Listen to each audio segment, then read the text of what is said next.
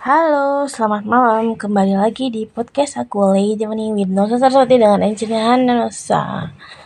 Well guys, gimana kabar kalian? Udah mau masuk minggu ke tiga mungkin ya? Mungkin ya, karena aku tuh nggak ngeliatin kalender. Masa ke, ke kegiatan aku tuh ngeliatin kalender terus terus kerjanya apa dong selain ngeliatin bengong gitu ya, melototin kalender enggak lah ya.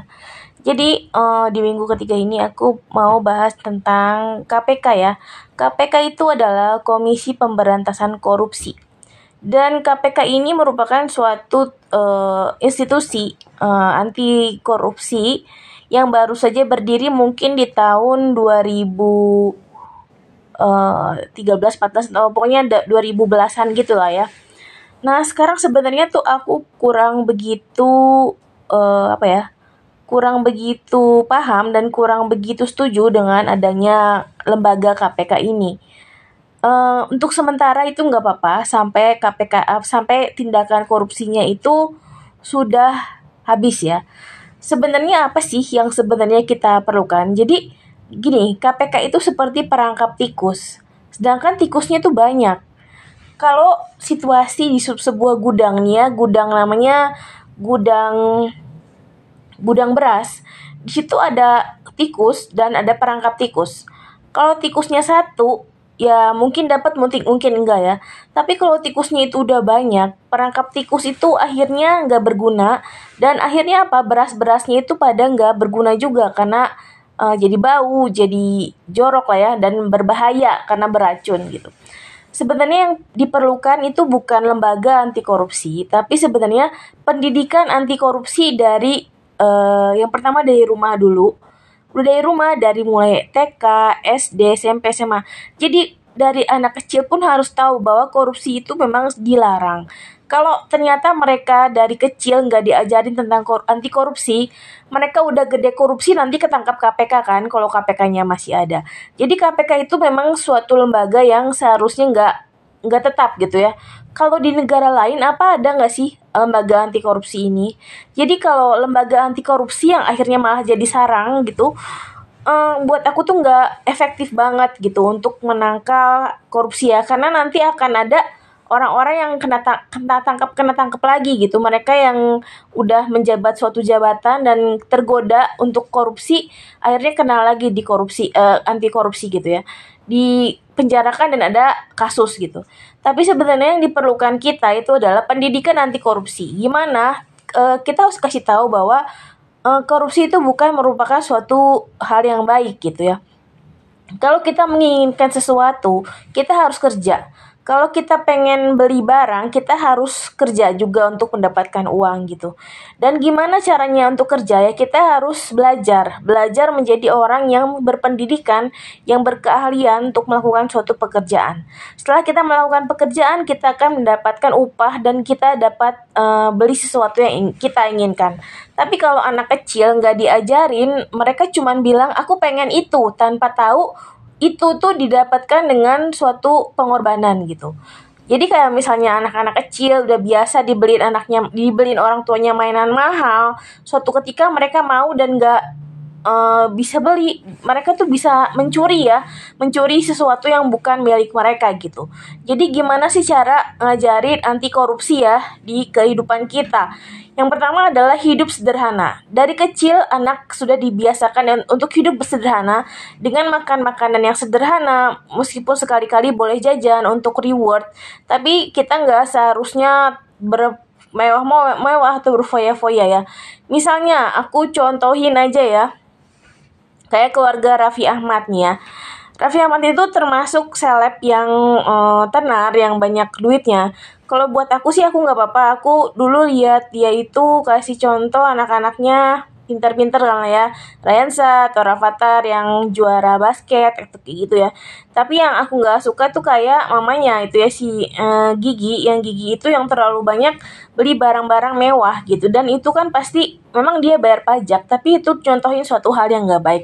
Tapi kalau buat aku kayak kayak Raffi gitu dia udah ngelakuin tugasnya sebagai orang tua, sebagai ayah ngasih tahu bahwa ya hidup ini memang harus aktif terus. Lo mau olahraga, lo mau apa yang penting ke kamu tuh serius di situ gitu. Jadi tindakan-tindakan seperti memberi contoh olahraga itu udah cukup bagus gimana olahraga tiap hari udah gitu dan juga kasih tahu anak-anaknya untuk hidup yang nggak mewah ya kalau aku lihat sih nggak pernah aku dapat laporan atau aku lihat di internet kalau anak-anaknya Raffi itu suka beli barang branded ya mungkin kadang ada tapi dilihat dari pendapatannya Raffi sih um, dengan pengeluaran yang nggak begitu banyak sih itu masuk akal ya untuk beli hal, -hal seperti itu jadi um, gimana ya kita contoh aja lah kehidupannya Raffi mungkin dia juga udah ngajarin anak-anaknya untuk tidak korupsi dan sudah dipersiapkan anak-anaknya menjadi orang-orang yang sukses di kemudian hari gitu.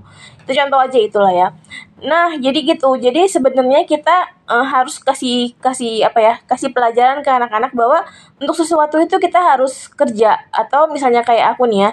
Aku waktu kecil aku selalu dibeliin baju, beliin apa gitu ya sesuai keinginan orang tua gitu dan gimana sih cara aku untuk e, membalas itu aku belajar dengan baik sehingga di sekolahku waktu SD itu harus maksudnya biasanya sih ranking 10 besar lah ya. E, untuk ranking satu beberapa kali aku ranking satu karena SD-nya SD di kampung kan ya. Jadi masuk ranking satu itu e, lumayan gampang gitu.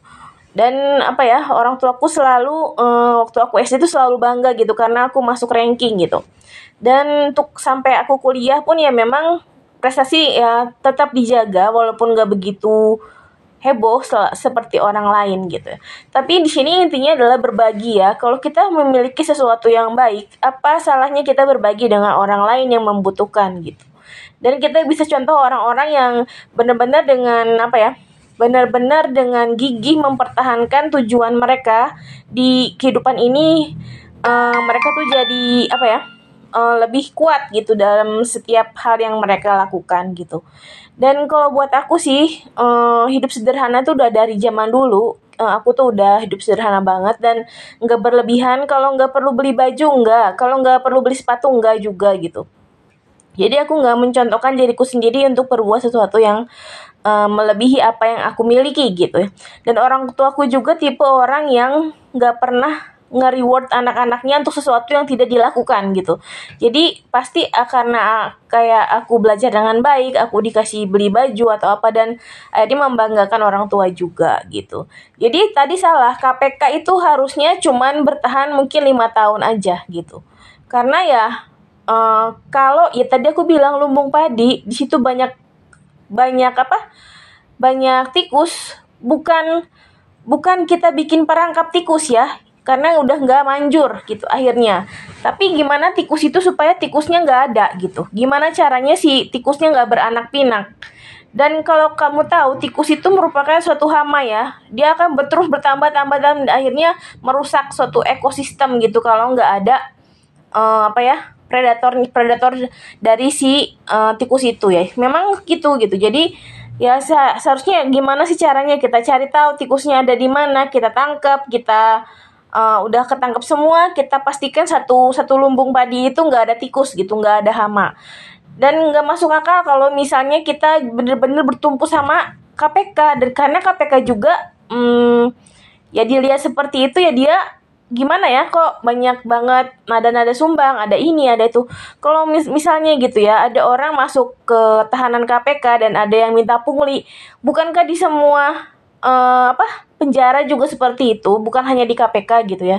Dan itu mungkin cuman suatu hal yang memang uh, dilakukan berulang gitu. Dan kita nggak boleh nyalain siapa-siapa karena memang segala sesuatu butuh uang bukan gitu. Tapi ya gitu. Jadi uh, perlu dikasih standar berapa uh, pungutan yang bisa diterima yang harus dikeluarkan atau gimana. Karena memang ada pem butuh pemeliharaan gitu. Jadi ya gitu. Jadi gimana sih cara mencegah? Mencegah itu dari keluarga dulu. Kita uh, kita kasih tahu semuanya bahwa kita nggak boleh korupsi karena kita nggak boleh memakan sesu sesuatu yang bukan hak kita. Jadi ya memang pertama-tama itu pendidikan agama. Agama di mana pun itu tidak melegalkan korupsi gitu. Kalau untuk orang-orang yang tahu bahwa, bahwa korupsi itu salah, pasti mereka akan tetap ada pendiriannya bahwa tidak akan melakukan korupsi jadi ya gitu dari pendidikan dari SD, TK, SMP, SMA, kuliah itu benar-benar harus ada pendidikan anti korupsi karena memang e, mereka harus ada dasar ya. Misalnya kenapa sih kita belajar anti korupsi karena uh, ini tuh salah gitu ini tuh bukan sesuatu hal yang baik gitu. Dan untuk ke depannya sih aku tuh udah rada males ya untuk ngasih tahu ngasih tahu lagi apa yang harus aku uh, harus dilakukan. Harusnya kalian semua udah ngerti udah paham bahwa sesuatu itu jangan terlalu dilebih-lebihkan dan diperpanjang gitu. Kalau sesuatu yang harus terjadi ya terima bahwa itu sudah terjadi.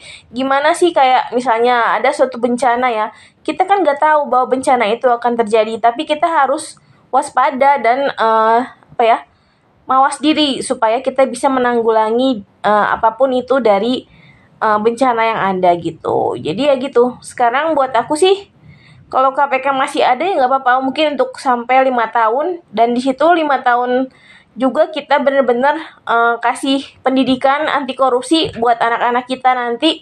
Atau untuk di kantor-kantor juga perlu ada apa ya seminar-seminar anti korupsi supaya benar-benar gitu ini tuh ditegakkan dan nggak akan ada lagi korupsi di Indonesia.